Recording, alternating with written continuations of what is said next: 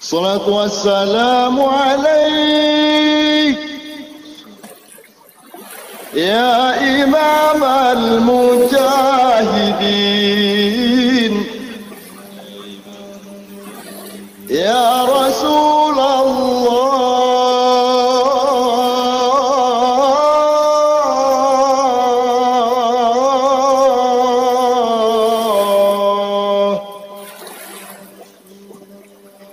والصلاة والسلام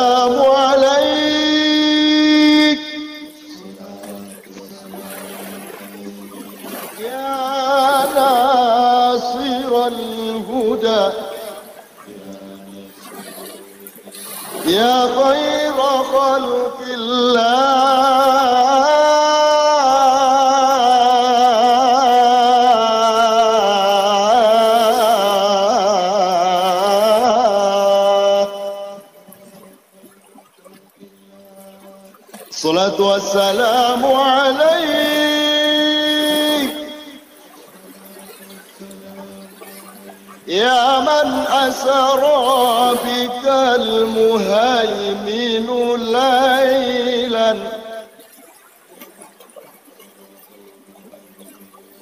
يا من أسرى بك المهيمن ليلا. نلت ما نلت والأنام نيام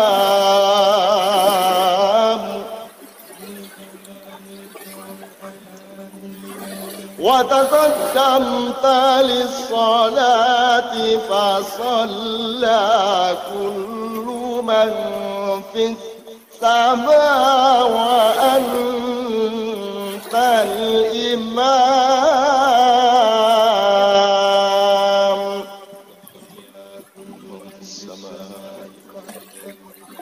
الصلاة والسلام عليك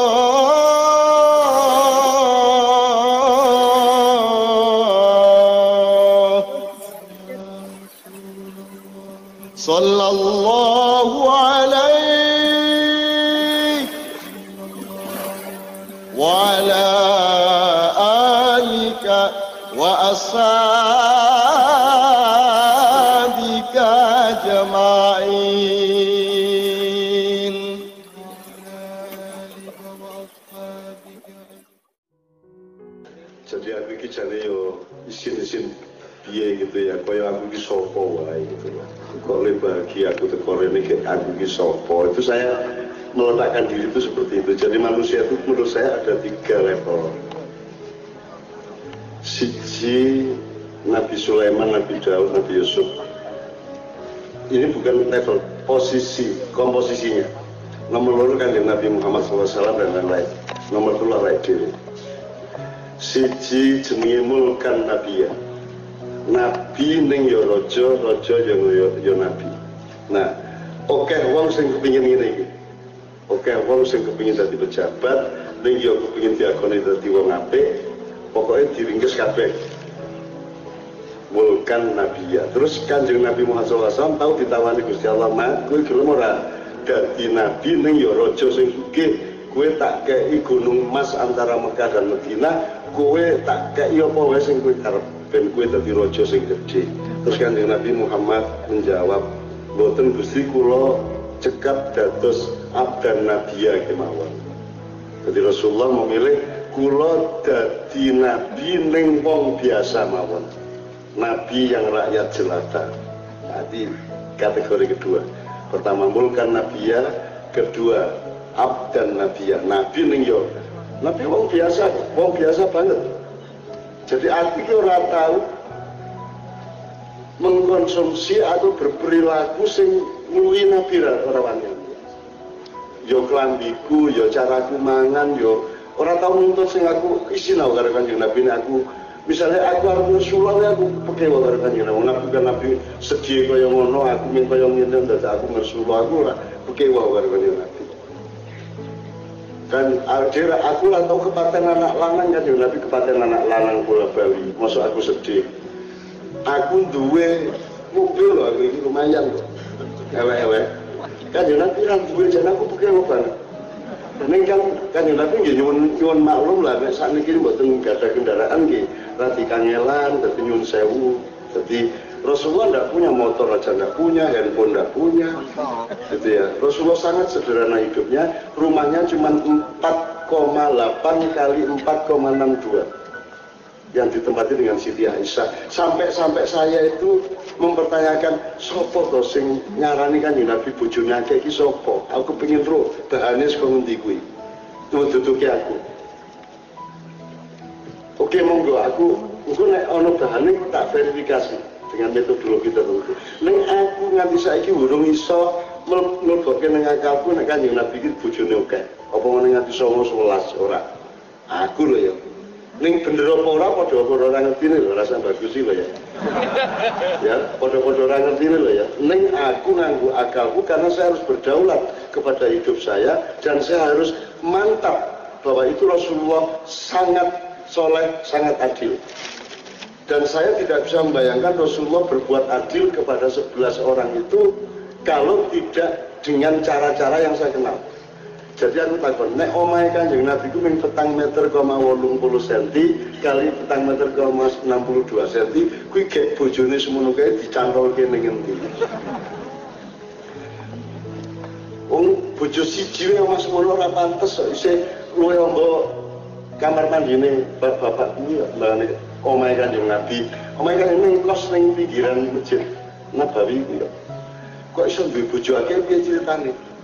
Lek pemberian status untuk menolong secara derajat sosial saya paham. Kalau mengakui oke okay, mengambil itu dengan status jadi istri meskipun tidak pernah tidur bersama untuk supaya menghindarkan misalnya uh, perbudakan di suatu kampung ya. itu saya percaya. Tapi kalau Rasulullah di bojo sholat digilir. Iki gilir ning nek ning omahe dhewe-dhewe misale iki bojone A isih manggon ning omahe bapake, liyane ning omahe bapake dhewe. Lah terus Kanjeng Nabi bukan suami teladan dong. Mosok di bojo ora gawe ke omah, ora di ora ora urip bareng, mosok bojone di di diterlantarkan di omahe dhewe berarti Kanjeng Nabi tidak tanggung jawab. Kalau bagi saya mustahil Rasulullah itu tidak tanggung jawab. Mustahil Rasulullah itu tidak adil. Mustahil pasti adil wis kuwi mutlak Rasulullah pasti adil orang gitu. jadi aku bingung ah ora nek kanjeng Nabi bojone ke siji kuwi udah ya sing nglundase yo ah, angel kok musuh wong wedok iki kejamanan Nek ora percaya takono sing ngebas mburi kuwi. Angel tenan. Ya ora ora kuwi kabeh jane. Maksud saya, saya Anda harus berdaulat. Sebab kalau soal pengetahuan Anda tetap tidak tahu mulai. Oh, gue rumah sama ngerti Bung Karno anak isopo. Orang mau coba melakukan dengan Pak Harto anak isopo itu ngerti Terus tahu rasa umum pengetahuan dan kebenaran. Rabbika kebenaran milik Allah. Yang kita harus lakukan adalah kebaikan. Orang benar tenang ning angger dadi apik. Ora pinter apa-apa bodoh apa-apa angger apik. Fastabiqul khairat bukan fastabiqul hak bukan fastabiqul yang lain. Gitu ya. Sampai aku rapor dari Nabi Bujo Bismillah makanya teman sekalian saya sing kategori ketiga apa?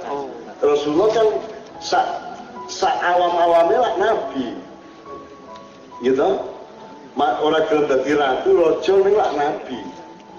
Anek kowe karo aku nabi apa rojo ya ora?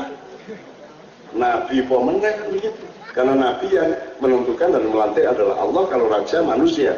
Nah kita ini dilantik Allah yang enggak dilantik manusia ya apa meneh kan begitu maka saya mengambil kategori yang ketiga yang saya bikin sendiri. Yang tidak ada istilahnya sebelum saya bikin. Tadi ada mulkan nabiya ada abdan nabiya saya adalah abdan abdiya Saya adalah seorang hamba yang pekerjaannya menghamba. Saya adalah pelayan yang pekerjaannya melayani. Dan saya bahagia dan saya bangga dengan diri saya sendiri karena posisi saya oleh Allah ditentukan sebagai pelayan Anda semua. Pelayan anak-anakku, pelayan masyarakat. Nganti jam birawai kita atur bersama, aku orang kesel untuk melayani Anda. Di mana pun, berpuluh-puluh tahun aku kesel, mergo aku kimling abdan abdiya. Nah, nek kowe abdan abdiya, wis kowe ora ora ora umur. Ya pancen kudu melayani ya mesti layani. Ya nang bojomu, ya anakmu, ya nang bapakmu, ya nang tanggamu. Pokoknya jiwamu jiwa abdan abdiya, ora kesel, ora loro kowe. Ora loro. Kowe iki loro kan mergo ngeyel. Ya lah, mergo ngeyel kok ngene, kudune ngene aku sing malah kita loro. Kowe duwe 10 yuta, sithik mergo pikiranmu sak 100 yuta. Jadi sithik 10 yuta kuwi mergo atimu 100 yuta. Makanya apa yang sudah dikasih oleh Allah begitu terjadi itu berarti sudah diizinkan Allah atau sudah ditentukan oleh Allah? Terima ikhlas. Maka nomor satu itu bukan mardiah bukan mendapat ridho Allah nomor satu. Nomor satu adalah anda ridho kepada ketentuan Allah. Makanya kalimatnya ya Tuhan nafsul matmain mutmainnah irji'i ila rabbiki kembalilah kepada Tuhanmu radiyatan Martia, kamu dulu yang memastikan kamu ridho, maka Allah akan meridhoimu. Nek kowe gugur dan terus menerus menuntut Allah ridho, kowe dewe orang mentradisikan hatimu ridho nang nang uripmu, piye kowe arep untuk ridhone Allah. Makanya rodiatan dulu baru martia. Nah saya rodin, saya ikhlas menjadi pelayan Anda. Orang itu apa-apa, nek aku entuk bronkos, kuwi orang mergo aku ya bronkos rene mergo aku disuguhi bronkos itu kewajiban akhlaknya tuan rumah. Bukan saya menuntut bronkos betul nggak? Nah jadi yang membuat kita itu sakit sedih cemas karena kita nuntut. Saya nggak pernah nuntut apa-apa. Apa anane kita terima kanti ikhlas? Nah makanya Allah memberi pelajaran yang luar biasa. Gue nang nang buri meripatmu mesti syukur delok wingi, delok biyen, delok mbahmu, delok masa silam, delok tahun petang puluh lima, delok Mojopahit, meripatku mesiji namanya syukur.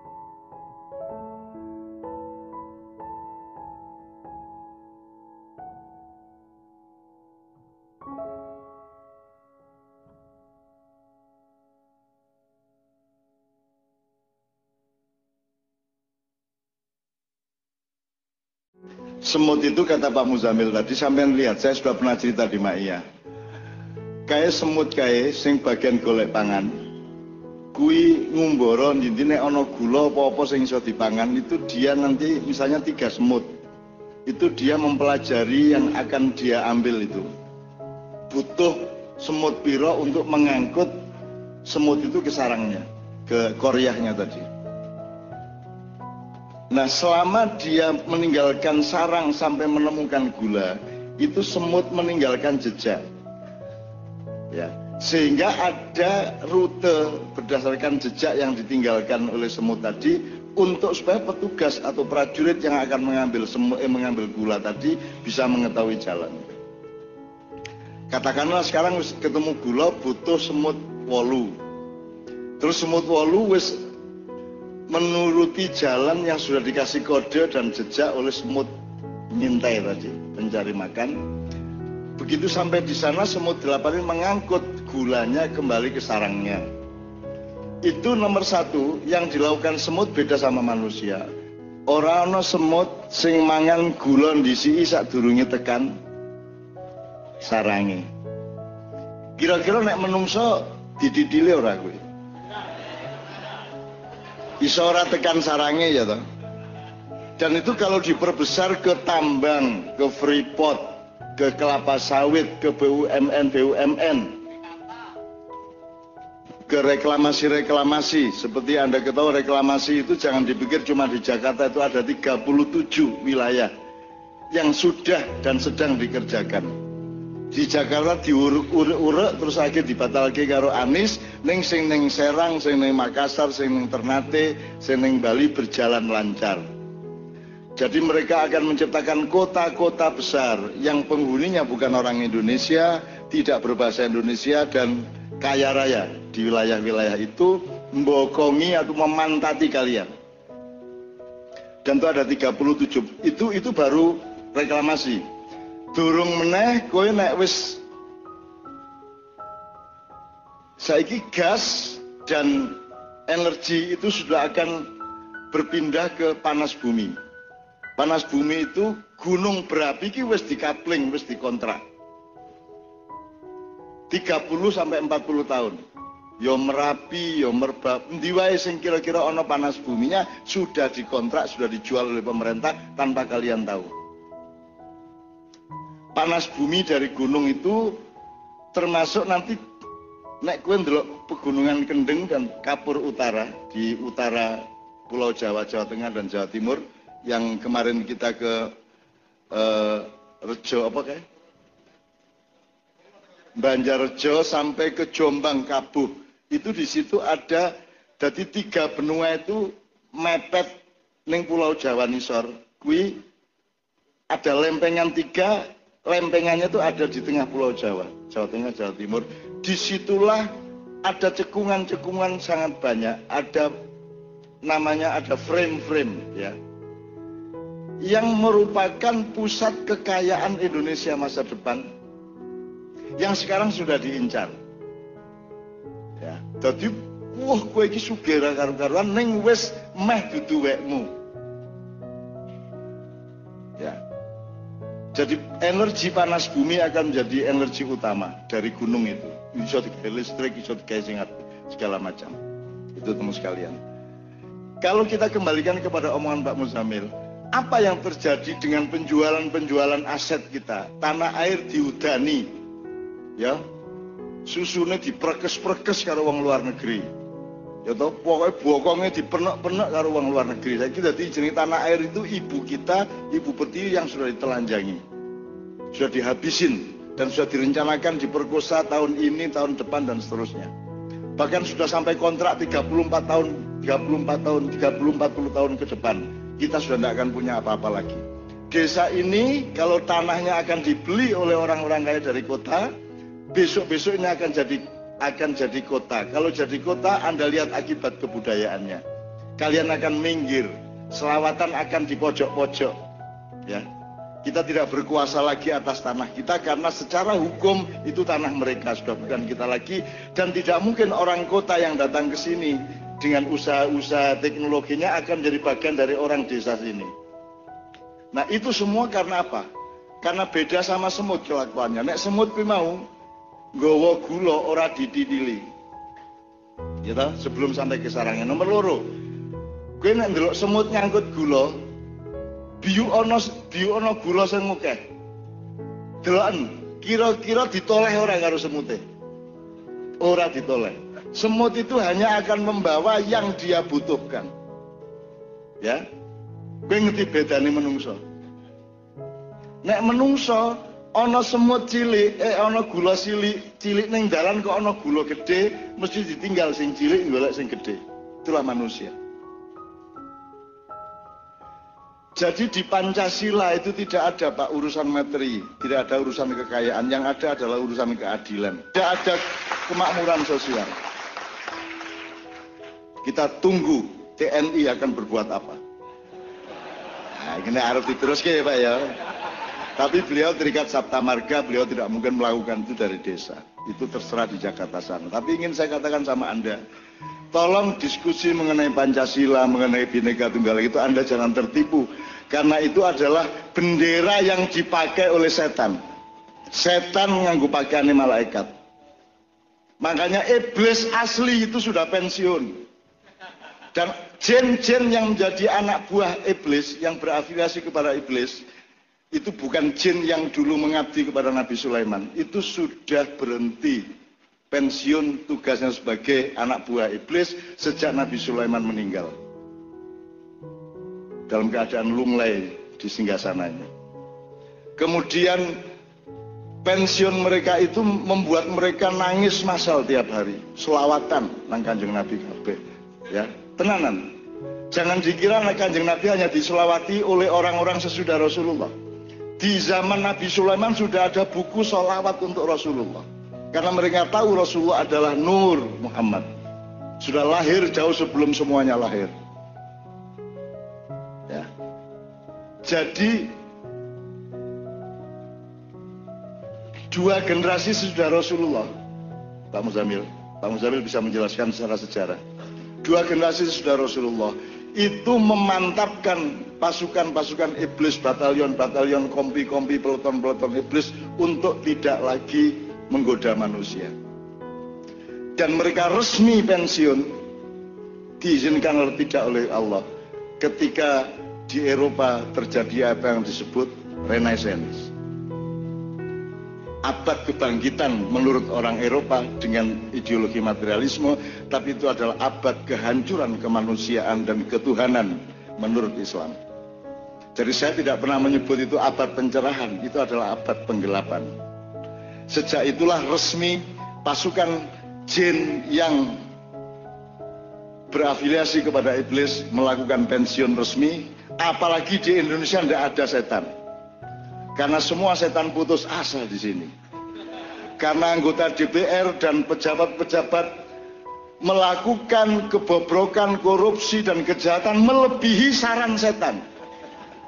Sarane setan paling nyolong sak miliar iki wis nyolong tulung triliun coba piye. Setannya pura putus asa. Dan seterusnya dan seterusnya. Saya ingin katakan kepada Anda yang menghancurkan hidup manusia adalah kerakusan. Maka kalau sampean kaya dengan ingkung, sampean makmur dengan desa sampean, tolong jangan sampai ke garis kerasu, ke keragusan. Segera disotakohkan, segera disosialkan, segera diakhiratkan uangnya itu. Supaya menjadi bebarengan kabeh. Itu. Dan di desa ini saya melihat luar biasa bagus, tapi tolong antisipasi ke masa depan. Nah ini yang saya ambil sebagai hikmah dari omongan Pak Muzamil tetap jadi koryah, tetap jadi semut. Karena semut tidak pernah, bahkan semua binatang tidak ada yang jahat seperti manusia. Makanya apa apa apa ada ancaman Allah anjing masuk neraka, Pak Musamil? Tidak ada. Malah ada anjing masuk surga. Anjing masuk surga, tapi tidak ada anjing masuk neraka. Tidak ada. Gue menungso itu dengan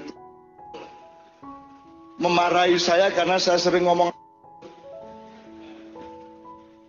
Terus itu karena saya ngomong atau karena mereka nganggap itu, itu jelek? Aku takon kowe. Nek kowe dionekke kowe kok kowe kok kayak nek sabrang kowe kok pesek nduk. Kowe lara ati to dionekke pesek. Kowe kowe mergo kowe pesek apa mergo pandanganmu mengenai pesek? Karena rumangsamu pesek kelek, mulane kowe nesu dionekke pesek. Mulane sing kudu kok robah diduwerengmu njur ditawak-tawaki kaya wong Korea. Sing dirubah adalah pandanganmu mengenai kecantikan. Kecantikan terletak tidak terletak pada hidungnya, kecantikan terletak pada akhlak dan cintanya. Dan begitu. Jadi tidak ada binatang yang jahat Pak Muzamil. Binatang tidak makan melebihi yang dia maui, yang dia butuhkan, betul enggak? Bahkan tidak ada yang dia inginkan. Kue nak ndelok su apa jenis tikus sing mangan sembarang kae. Kowe kudu mesake kae. Mangkel to kowe. Ning kowe mesake bayangke nek kowe sing dadake kowe. Kowe dadake tikus. Dia tidak bisa apa-apa kecuali melakukan yang dia harus lakukan sebagai tikus. Saonone wesi dipangan kayu, dipangan kain, dipangan driji, dipangan. Gimana? Pancen ngono takdire dhek lah, semut lah ora milih. Dia hanya menjalankan yang dia terima dari Allah Subhanahu wa taala, betul enggak? Jadi teman sekalian jangan merendahkan binatang. Ya. Karena binatang tidak pernah berdosa seperti kita. Gitu loh. Ya iblis ada hitungan lain. Jin ada hitungan lain, malaikat ada hitungan lain. Tapi pokoknya intinya sebenarnya manusia ini yang paling bikin repot. Saya akan cerita panjang lebar kapan-kapan di Maiyahan mengenai apa yang akan kita alami di tahun-tahun yang segera akan kita masuki. Tapi malam hari ini kira-kira prinsipnya jelas. Ayo sinau dadi semut di dalam koryahnya. Kan gitu kira-kira. Satu tidak ragus. Jangan menomorsatukan apa tadi Pak Muzamil? Jangan menomorsatukan badokan. Badokan. meskipun badokan kui penting neng ora nomor siji kalau ilmu kita jelas selama ini sandang pangan papan. Bahkan ini dikasih dialektika oleh itu tadi apa jenenge? Kumpul ora kumpul eh, Mangan ora- ora mangan Kumpul. anggar kumpul. Bukan soal rumahnya tapi kumpulnya. Orang nomah ning tetap kumpul ya iso ya ning alas ning lapangan kan iso. Tapi nomor satu adalah persatuannya silaturahminya kan gitu. Nah kalau sandang pangan papan kan kue wis ngerti sih apa jenenge workshopnya selama ini dalam iya bahwa nek kue kena gempa kaya wingi kae njur maring ditulung karo mbuh sapa teko ring kene ming ana panganan karo celana kue milih panganane apa celanane? Celana. Kan kowe ora mungkin jawab wis ora apa-apa sing penting mangan ra katokan ra apa-apa kan ora mungkin. Kan kowe tetep milih aku sing penting aku katokan ngos milih ra apa-apa. Karena anda adalah manusia jadi tetep sandang nomor siji nomor loro pangan nomor telu papan orang di omah ra apa-apa anggere iso mangan kan gitu. Ning ora mangan ra apa-apa anggere isih katokan. Lah kalau sekarang ini menurut sampean Indonesia ini katokan ora? Saiki ki Indonesia iki katokan ora? Dipelorot apa dipelorot dhewe? Dipelorot uang apa dipelorot dhewe? Malah dipelorot monggo monggo dipeliak-peliak. Monggo mas investasi dong gimana monggo. Monggo. Jadi itu sebabnya Pak Muzamil mengatakan negara sinaunang desa apa desa sinaunang negara? Kebu nyus kebu nyusu gudel apa gudel nyusu kebu? Ini negara tidak belajar kepada desa. Ono merti desa ora ono merti negara. Apa meneh bersih desa tapi tidak ada bersih negara. Betul enggak? Negara sama sekali tidak hanya tidak belajar kepada desa. Negara sangat merendahkan desa. Termasuk dana desa dipikirnya itu menyenangkan orang desa. Itu ngerepotin Pak Lurah. Was apa mana ini racet toh ora sesuai dengan apa yang terjadi di kampung yang berbeda-beda dan itu dipikirnya orang desa dikasih duit oleh pemerintah gitu cara berpikirnya pemerintah itu endi kowe duit Loh, ya pemerintah iki wong sing dibayar apa sing dibayar apa sing bayar? Sing dibayar kok ngekei duit nang wong sing bayar. Wong desa lak rakyate, rakyate lak sing bayari. Endi ana buruh ngekei duit jeragane? Nggih mboten. Lah iya kok kowe jari ini bantuan pemerintah. Pemerintah kok bantu ra kowe. Kuwi duitnya rakyat dhewe kowe menyampaikan bukan bantuan. Enggak ada bantuan pemerintah. Ini bahasa yang luar biasa berkhianat terhadap hakikat hidup. Tidak ada bantuan pemerintah. Itu duitnya rakyat sendiri diterimakan kepada rakyat. Pemerintah yang ngurusi sebagai bendahara dan kasirnya gitu kan. Ini duitnya pemerintah. Nah ada dana desa pak itu duit sampean dewe duduk bantuan dari wah pemerintah apik ya. Oh lho keren duit wong kowe dibayari kok kan begitu dan seterusnya itu misalnya ya oke saya tidak akan berpanjang lebar. Saya cuma ingin sampean mengerti patraping urip ngerti patrape Indonesia. Saya kan bukan orang yang punya pengetahuan dan apalagi ekspertasi apa pun di wilayah kesehatan medis dan seterusnya tapi aku lah mek menungso jadi aku ya kepingin melok ngiling-ngiling sebagai menungso. Semua yang dibicarakan tadi kan standarnya standar orang normal. Maka disebut disable tadi. Ya itu kan karena standarnya orang normal. Nah nanti hidup ini begitu luasnya sehingga kadang-kadang anda harus punya solusi-solusi pribadi.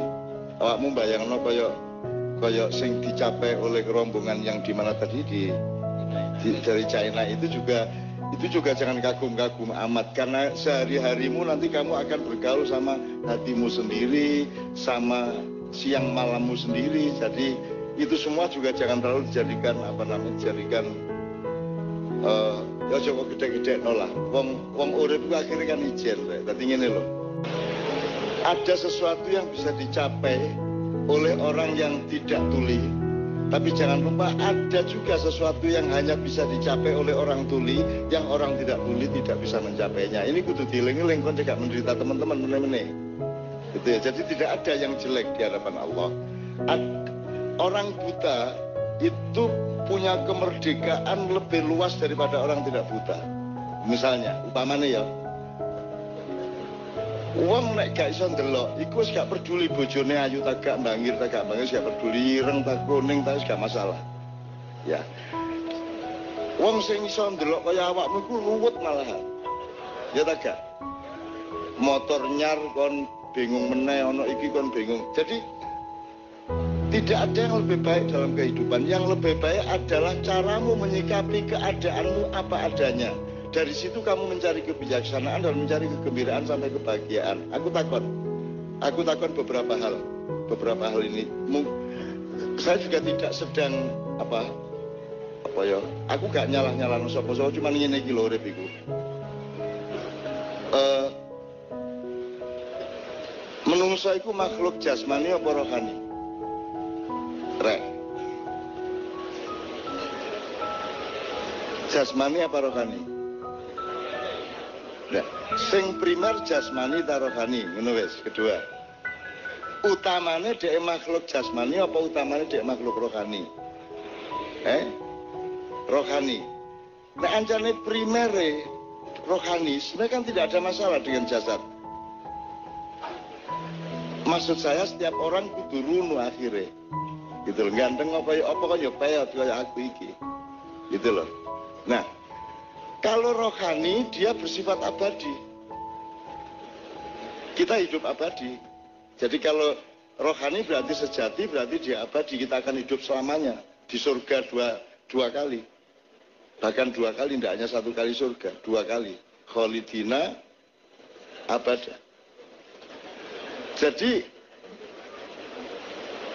kita ini makhluk rohani ya, nek, nek, nek bahasa lain ini kon niku wong bumi kepingin nang swarga takon wong swarga sing mampir di bumi. Wong swarga mampir di bumi mampir ngombe mampir ngekil mampir apa meneh? Eh outbound. Ya. Nek sekunder, sekunder primernya terbalik, kan manajemennya berbeda, Pak. Kan akhirnya kita harus menentukan. Kon tunarungu, terus nek sampai tuwek kon gak iso diatasi, apakah kamu akan menganggap dirimu itu lebih sial daripada orang yang tidak tunarungu, ataukah kamu menemukan keunggulan-keunggulanmu dibanding orang yang tidak tunarungu? Sing di kok pilih. Kan begitu. Jadi standar itu tidak hanya standar normal. Ki- standar adalah kita sendiri ini bagaimana? Awakmu oleh berpijak kuda-kudanya di itu pertanyaan pertanyaan eh, awakmu rohani tak jasmani? Nek awakmu rohani berarti urip di dunia ini mek liwat dulu. Kan gitu. Nah awakmu jasmani kok mata ya mari yang mana kita ini? Nah sekarang ini pak. Yang diobati di rumah sakit itu jasmani apa rohani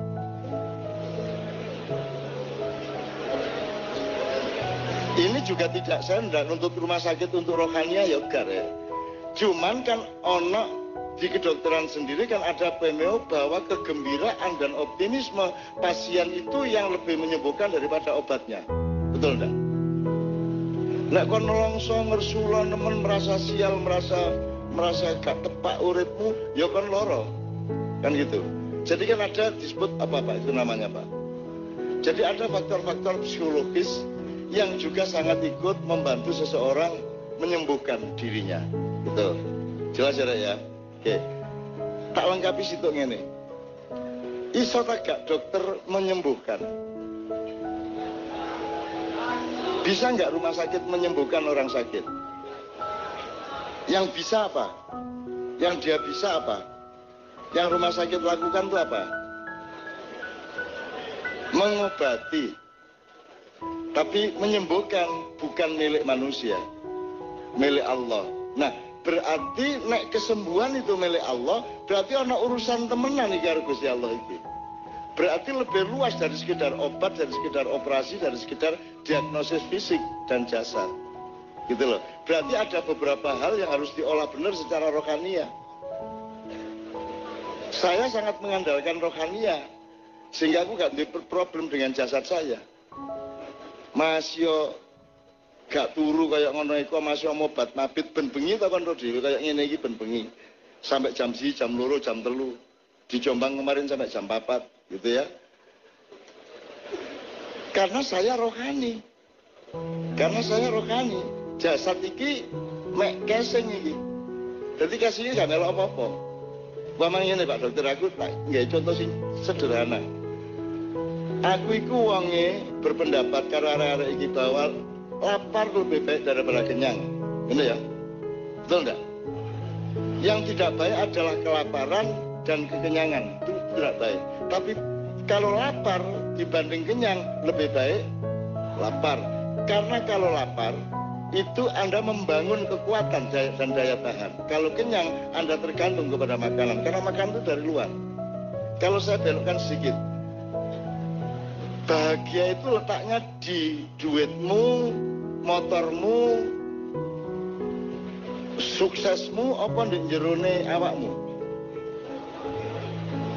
Jadi kebahagiaan tergantung berapa duit apa tidak. Kebahagiaan itu urusan kamu mengelola hatimu dan pikiranmu, betul enggak? Karena kita makhluk rohani.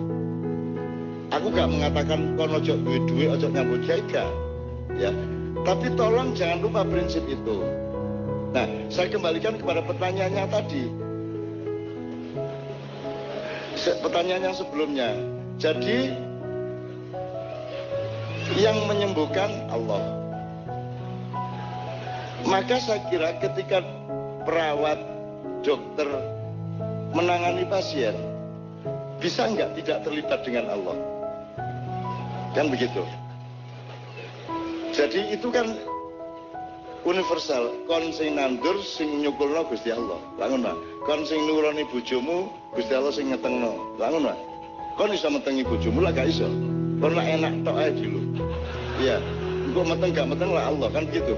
Saya kira kita harus ingat itu terus menerus demikian juga rumah sakit. Maka saya senang di Indonesia ini apa yang di barat tidak bersambung di sini bersambung Pak aku aku senengnya di kuno mulanya Indonesia gak mate-mate dia apa lo gak mate-mate tetap hebat karena apa? Ulang, ulang tahun rumah sakit ya sangat religius. Ulang tahun kodim nganggo selawat. Lah wis ah. Jadi ulang tahun Satuan 403 di Jogja Pak TNI yang di daerah Kentungan itu ono lomba hadro. Ya apa itu? Lomba kiro apel tentara. Itu cara kita untuk tetap memelihara kehadiran Allah dalam diri kita. Kan gitu. Karena ujung-ujungnya itu bukan sukses kariermu. Puncak tujuan adalah kamu lulus ujian, kamu bertahan, kamu istiqomah, kamu tetap gak ngersulo karo Gusti Allah, kamu tetap husnudon, kamu tetap beriman. Itu ujungnya. Karena kita adalah makhluk rohani yang akan mentransformasi diri kita untuk hidup di dalam rentang keabadian yang sangat panjang. Dan kita harus siap untuk itu. Nah untuk itu saya ingin ini rek, tegak dawa-dawa engko engko apa jenenge? Engko jadi ceramah, kita jadi ceramah ya. Saiki satu nomor lagi Pak. Ini kita sampai setengah 12 Pak ternyata Pak di JTV ya. Kita ucapkan halo dan kepada semua pemirsa JTV malam hari ini. Salam dari Gus Ipul, salam dari Pak Joko. Soto apa rek marek? Bendul merisi. Bendul merisi 30 soto Blangkon. Tapi beliau sangat concern dan sangat sayang kepada apa namanya kepada teman-teman yang dari standar normal kita sebut kurang mampu. Dulu disebut cacat bahkan. Itu tidak cacat tidak cacat. Tikus sauniku gak cilik rek. Gak konek gajah itu gede gajah ya sauniku tikus ya sauniku rek. Enak dilegi karo asin ya gak ya asin yang uniku legi yang uniku hidup tuh kayak gitu. Sehingga raya awakmu stres iku mergo kon iku legi tapi kepingin asin. Gitu betul iku sehingga raya stres. Kon duitnya satu sewu kon ngomong mek satu sewu mergo ngadegmu ratus sewu. Betul enggak posisimu di 500 ribu maka ketika kamu punya 100 ribu kamu bilang mek. Bodoh karo anak-anak ini prinsip prinsip pembelajaran itu mek lampu kuning perapatan dalam loh Pak. Pak Pak Lendra itulah di situlah manusia itu berperadaban atau tidak. Nek lampu kuning itu arah-arah kita kon Gus. Nek lampu kuning di perempatan iku jek tawis ala dapurmu. Masih atau sudah? Kalau sudah kuning berarti stop sudah kuning iki. Terus peringatan aja diterus monggo iso tabrakan. Tapi kalau umumnya kan berlaku bersikap masih kuning. Mumpung jek kuning ayo. Genjot kan itu itu kan di birokrasi ada gituannya pak. Dalam diplomasi politik ada gituannya. Kalau kita salah manajemen masih jadi wes wes jadi masih kita akan menjadi negara dan masyarakat atau bangsa yang juga nanti salah salah arah harus tepat harus punya presisi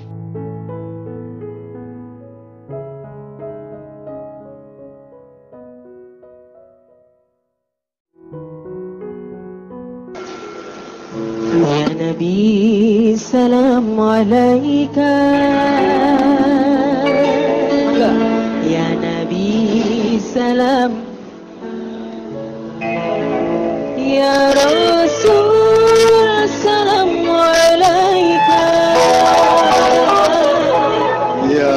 Resul salam alaika Ya Habib selam alaika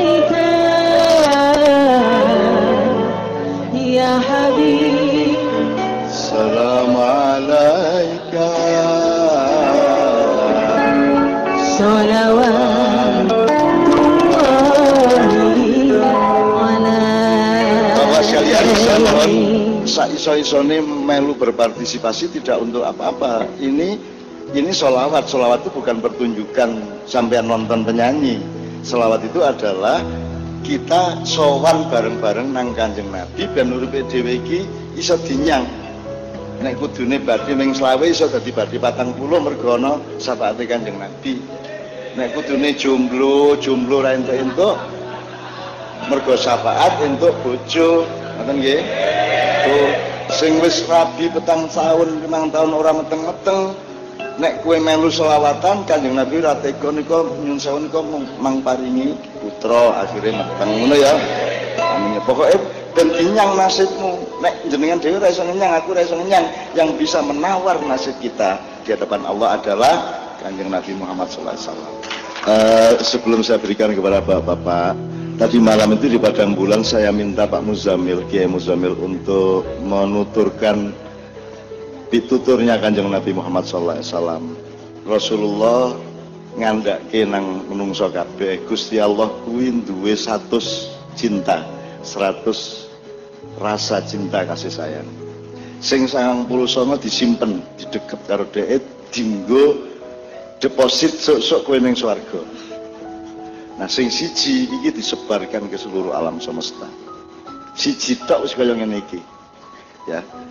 Jadi Rasulullah mengatakan yang satu itu disebarkan ke seluruh alam semesta sampai kuda-kuda, kuda jaran.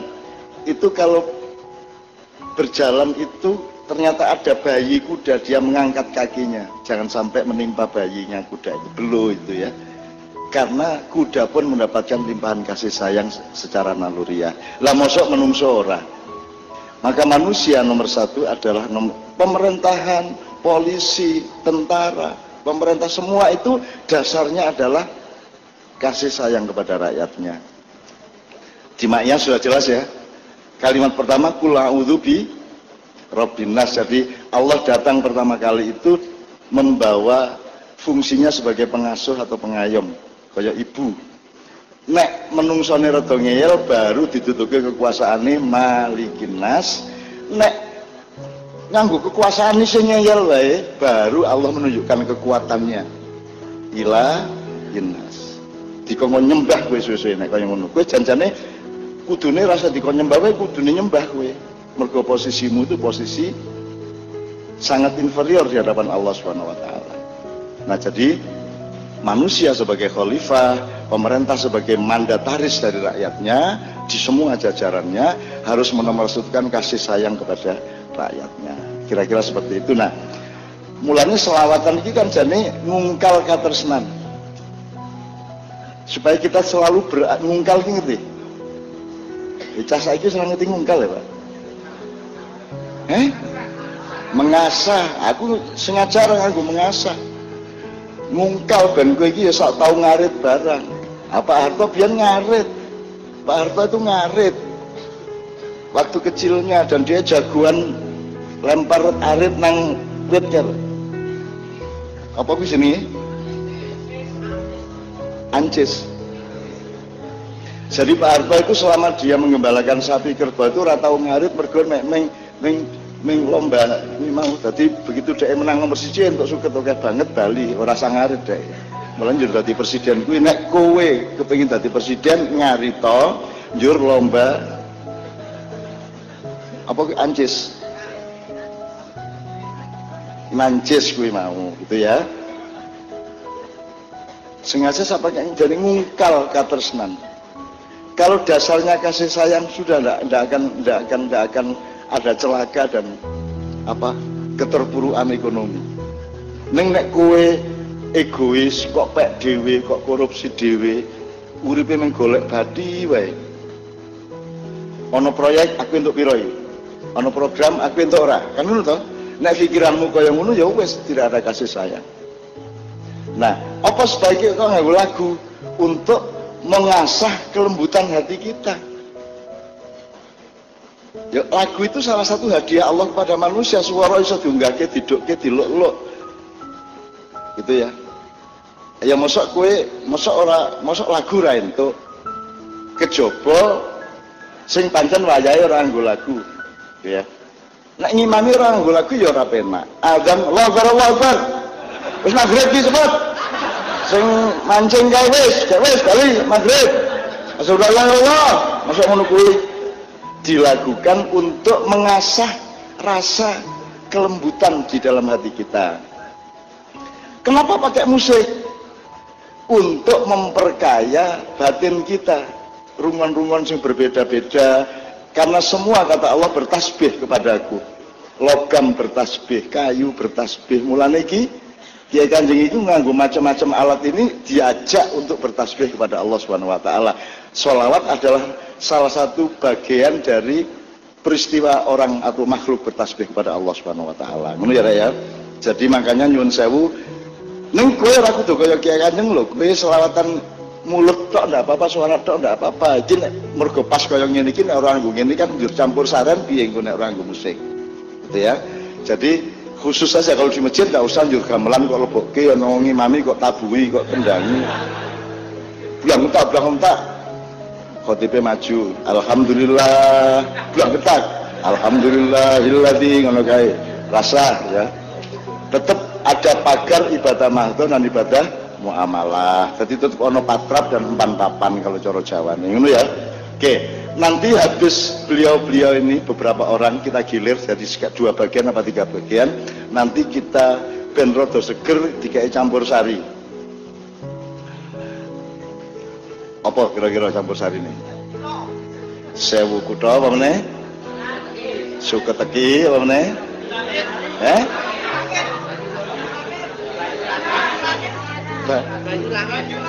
Banyulangi di sana gue, we. Nekat ya, nekat, bisa, rapopo. Untuk menyelipkan ilmu pengetahuan, Bapak-bapak, Anda 99% orang Jawa di sini kecuali Pak Nafis ya. Saya ingin menyatakan Melayu sama Jawa itu sebenarnya bersaing kemuliaan. Semua filsafat Jawa ada juga di Melayu, semua filsafat Melayu ada juga di Jawa. Jadi wong Jawa ki ngarani wong nek wong Melayu, orang Melayu mengatakan Jawa adalah Melayu, orang Jawa mengatakan Melayu adalah Jawa. Rasa kerengan. Ya sudah kita Melayu Jawa, Jawa Melayu gitu aja. Saya ingin katakan satu sama Anda. Aku karo ngecek Jawa itu ibarat orang naik gunung sudah sampai puncak. Saya kira menggari medun. Mulanya saiki lagu paling pol iki campur sari. Mergo puncak dari filsafat dan keindahan Jawa itu sudah dicapai oleh Sunan Kalijogo dulu. Apa? Sing sing sing, sing standar. Mijil, meneh? Belum, cek. Pucung. Dandang kula. Asmarandono. Pangkur. Mas Kumambang. Kinanti. Gambu. Apa meneh? Megatrut. Itu sudah puncak ora iso dhuwur meneh, ora iso mencapai yang lebih tinggi lagi. Itu sudah puncak estetika, filsafat, kebudayaan. Wes ora iso kowe ngluwi kuwi bisa. Jadi kebudayaan Jawa sudah sampai ke puncaknya. Cuman kurang Quran tok waktu itu. Nah sekarang sudah punya Quran. Gitu loh. Sekarang sudah punya Quran. Sebenarnya orang Jawa sudah, Melayu juga sudah. Nanti Pak Nafis tolong kasih beberapa kata-kata mutiara Melayu, misalnya layar kembang, ber- berkembang menjadi guru misalnya ya. Nah di Padang kan filsafatnya luar biasa juga, di Minang, di Batak, di pokoknya di masyarakat Melayu sana juga filosofinya luar biasa. Apa? Nah, jadi teman-teman sekalian, sekarang kita tidak mampu menciptakan seperti Sunan Kalijogo, Sunan Bonang, Sunan Ampel, orang orang iso saiki wis tau campur sari kuwi. Ya wis lah ora apa-apa sing penting kowe tetep iso Mas Kumambang iso, Kinanti iso, Asmarandono iso ngono ya. Dandang gula iso, saiki campur saran ora apa-apa nek pengen campur sari tok piye? Itu loh, nek kue wis mangan sego ora apa-apa baru kuwi lawuhe macam-macam aja meng lawuh tok. Jadi kita capai puncaknya, kemudian baru kita berhak untuk yang rendah-rendah enggak apa-apa kita lakukan itu loh. Snack itu enggak apa-apa. Neng kudu mangan sego sik. Demikian juga dalam beragama. Itu ya. Syariate tenanan sik, sembayangnya tenanan sik, posone tenanan sik, lagi entuk sing muamalah-muamalah kamu perkaya dan seterusnya ngono ya. Ngono ya. Kaya kowe nang bapakmu ning omah kowe wis nyawangi nyapu, wis nyawangi sembarang ya, baru kamu berhak untuk menikmati nilai mobilnya, nilai motornya kan gitu orang orang tangi turu langsung nilai motor bapakmu. Aku nek aku tadi bapakmu langsung tak gantung ning dhuwur lawang kowe, gitu ya. Jelas ya teman sekalian ya. Itu patrapnya orang Jawa.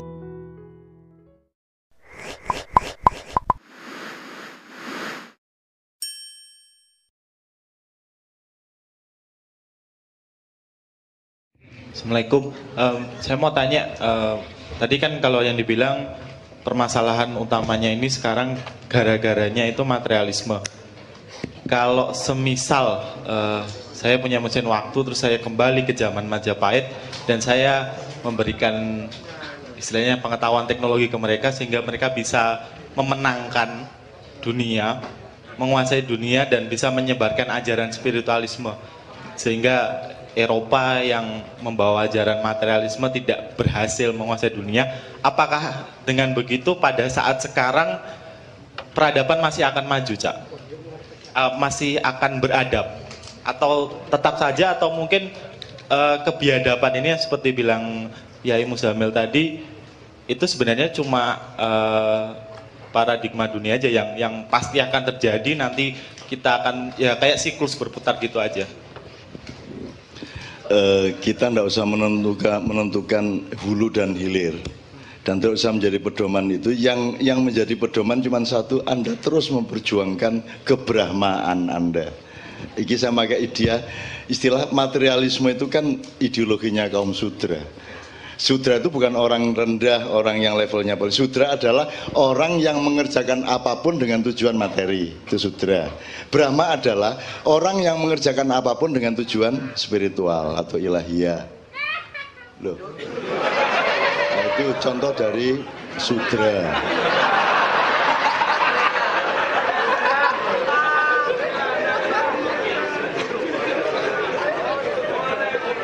Iku mau kuntilanak ya.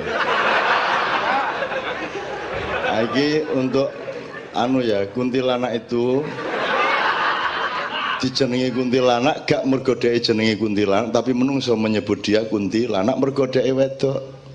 Nek lanang kon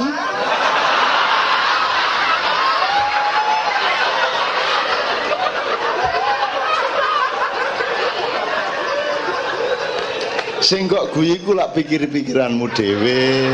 Wong aku gak ngomong. Wong aku mah karepku ngomong kunci. aku lagi gak paham aku itu gak paham gak paham aku itu alimul ghaibi wa syahada ya engkau takono rek apa kon mau kok ngucuk iki ane mang Oke, tak terusin ya. Jadi Mas, menurut saya kita nggak bisa ngukur itu. Saya podo karo ngene lho. Bukti iki gak sembayang kelakuane api apa nek, nek sembayang apa ya terus sing sembayang malah kelakuane gak api ya kayak ngono iku rek. Hidup itu probabilitasnya tidak terbatas. Tapi yang penting kau melakukan apa yang seharusnya. Fa- outputnya, hasilnya, keluarannya atau hilirnya itu tidak bisa kamu tentukan. Masyarakat Atlantis dulu sudah pasca materialisme sehingga mereka bikin listrik itu sudah tidak pakai alat, tidak pakai mesin tapi pakai orang. Orang yang bisa menyerap gelombang dan menjadi pusat penyebaran cahaya. Jadi ke, kepala PLN-nya di zaman itu sementing sementing ono wong iku biar lampune. Itu. Tapi mereka hancur juga. Itu loh. Kehancuran itu terserah-serah Allah atau kejayaan terserah-serah Allah terus yang jaya dipateni yo akeh nek nek individu ono wong apike koyo ngono kok cepet dijupuk Zainul dijupuk. Bojone Islamianto jek umur 30 Pak Limo dijupuk. Pak D apik koyo ngono dijupuk. Sementara sing cuangkeme koyo ngono fitnah dok iku diwet-wet karo Gusti Allah diformalin. Lah wis ah. Peradaban juga gitu mas. Ada peradaban yang sangat bagus ya dihancurkan Allah. Ada peradaban yang jelek dibiarkan lama sama Allah Fir'aun itu sampai 1300 tahun kok dinastinya. Jadi itu juga ojo-ojo digawe rumus dek Kita ini hidup tidak untuk melihat hasilnya di dunia Tetapi ridho Allah di akhirat kan gitu. Nek, nek ngomong ngono iku lah padha ngene. Allah bukti aku gak sekolah aku ya iso luwih sugih timbangane sing sekolah. Apa terus berarti nek ngono sekolah rek? Ngono lah gak. Nggak bisa dijadikan rumus mas. Jadi memang jadi jadi memang apa sekarang itu pedomannya cuman apa yang harus kamu lakukan itu yang kamu lakukan. Kalau hasilnya sakarep karep Gusti Allah. Coba biyen langsung azab itu zaman Nabi bayangno.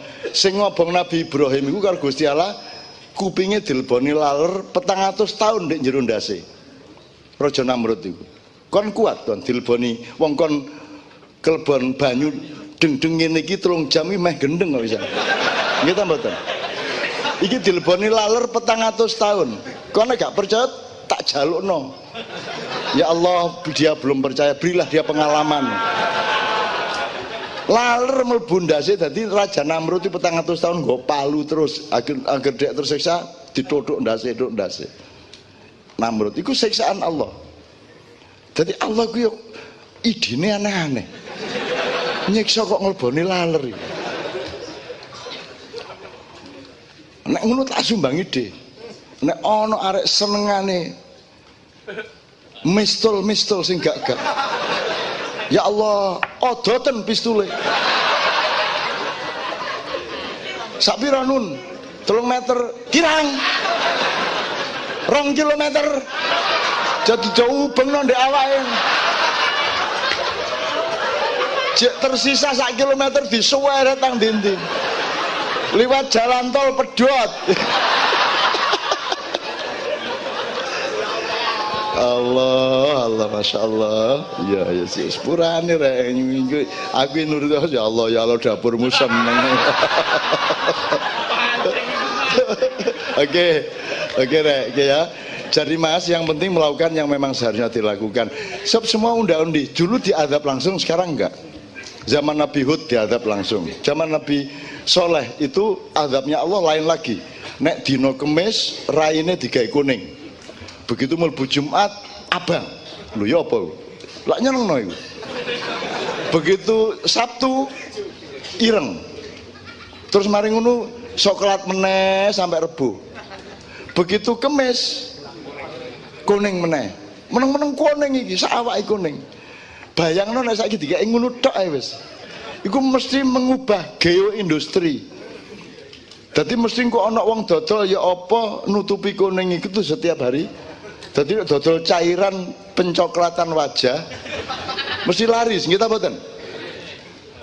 Macam-macam adabi Allah dan saiki aku takon, iki awakmu kepingin diadab tak gak? Tapi nek ndelok koyo ngene gak karu-karuane kan nek upama Allah jek menerapkan polisi pra Muhammad iki wis dintekno karo Gusti Allah. 21 gunung dibledosno tapi wingi dibatalno lho. Sik sik sik aja sik jono arek mak iya, ngono. Akhirnya sing bledos sing aduh-aduh kono iku. Kono di seberang pulau lor kono karo ndek wetan. Sing di pulau Jawa wis pokoke serano Merapi nek Merapi meneng liyane meneng. Ngono. Nggih nggih ngono aku. Mulane gak pindah-pindah teko Jogja supaya aku koordinasi terus iku. Karo Mbak Petro, karo Kiai Jumadil Kubro, karo Kiai Gringsing. Lho kon niku tak tak tak jarono tapi apa kon? Oh temenan tak jarono koordinasi ya apa ya rono dhewe tak tapi tak culno teko kono kan. Rono dhewe aku wis gelek rono pegel aku. Kok kena semaput kon. Langsung tak culno telung meter gak semaput sabrangi nguyuh kuter. Tak jak rono. Lho sabrang lho, wani nguyuh. Lho keadaan kaya ngono meledos gununge, tak jak munggah. Peteng-peteng jam loro bengi dep-depan karo macan gedene sak ana iku karo sapi gedene sak ana iku sabrangi nguyuh ini. Ya bar iki.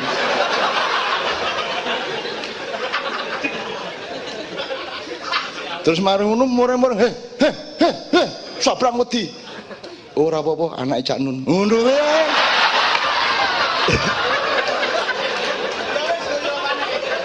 Lho iya temenan rek. Oh saiki nek ana wong kesurupan jin iku kan nyebut jenengku aku rada terkenal rek kono. Dadi ana wong kesurupan. Diselametno karo rek Kiai Kanjeng. Begitu Pak Nevi karo Pak Joko teko, sing kesurupan ngomongin, "Wes, mesti sing rene anak Nun meneh." Ya wis, tak lunga. Wis, waras. Waras. Wis takon arek Kiai Kanjeng, iki ana jin kok nyebut-nyebut jenengku. Gitu. Terus tiga kali teko meneh. Terus Kirno sing teko. Hmm. Janun meneh iki sing. Ya wis aku aku wis gelek nang Jombang. Wis gak wani wis, tak mulai ngene iku. Jin Jawa Timur. Aneh-aneh iku. Akhirnya saya kan nggak polisi. Jadi nek ana arek kesurupan kan biasa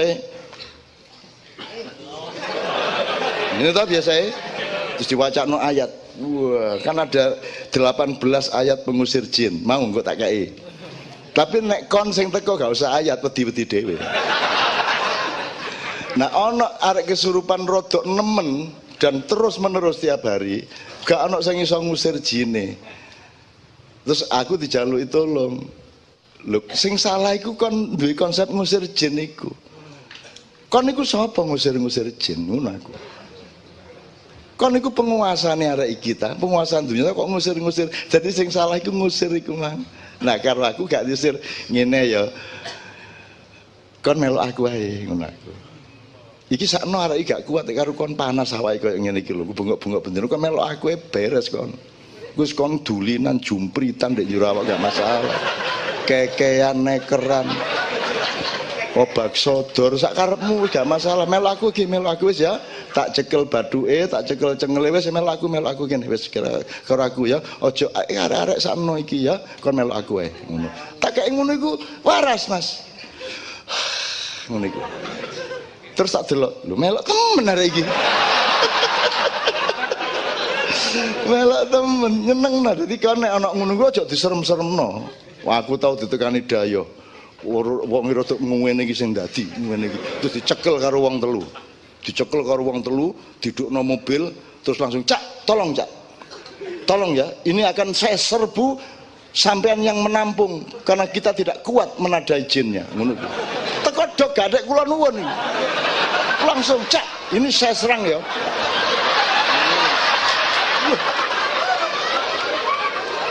Mbok mbok ana dayoh tepake ngene aku. terus rumah sama aku terus yo tak tadane ini ya gak lah aku. Aku lang iku temenan rek wallah ya. Iki aku dayo ku wis aneh-aneh ngono iku. Wis ngarung ngene ngene gak gak gak usah gak usah. Aja kok serbu sakno arek engko kon nyerbu jen arek iki sing remek iki ngono wis wis jano jano jano. Kene melok aku tak seret tak lebokno kamar. Tak kunci tekan jero kon ojo tek-tekan karo aku ngono kon apen-apen kon ya. Kon macam-macam karo aku. Awas kon ya. Oke tak kayak waktu 10 menit. Engko aku melbu meneh kon nek macam-macam karo aku gak melok-melok. Gak melok-melok iku medeni. Kalau gak melok-melok iku lak membebaskan tuh malah. Tapi wedi. Aku mau ngomong gak melok-melok. Lek kudune kon nek macam-macam tak gibeng lah. Ngono wedi gak ya aku. Macam-macam gak melok-melok aku Lha ngono ya wedi lho. Wes, aku metu. Tak lebani meneh. Wis rada bingung dek. Wis rada bingung. Ki apa ya nglawan tegak ya, nglawan tegak. Ngono iku. Wes. Wes. Wes ya, dipikir meneh. Macam-macam karo aku. Cek kon duwe derajat dadi koncoku. Kon tak terima dadi koncoku tapi sing temenan. Aja arek ganggu ganggu sapa-sapa. Ngono aku. Aku ya gak paham jan pokoknya ngomong ngono ngono. Bapak kok repot.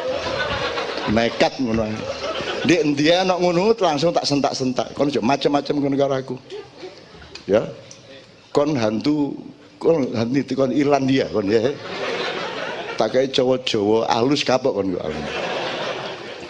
Temenan Dek. Jadi sekitar 40 menit kemudian aku mlebu meneh wis lerem kae. Sepuntene sepuntene ngono iku wis beres. Terus arek sing ti- tiga orang sing kate nyerbu mang Mas beres tenang Mas. Iki wis tak tinggal ndek kene jine. Wis kono mulya jine ndek kene. Wis tak sediane panganan lotek. Apa jenenge? Rujak cengur sak pitur kene. Wis mari ngono ana daya meneh Mas. Ket mulai teko langsung ndek ngarepe kamarku turu. Iki apa? Aku nek mlebu kamar melangkah buka lawang angel turu nek ngono alah ya gak apa-apa wis tak toleransi karo hamba Allah. Jam 3 sore iku terus jam 5 maghrib jek ndek kono dek turu. Tak gugah dek. Ojo ndek kene po mosok turu ndek ngarepe kamarku. Terus di mana pun adalah bumi Allah.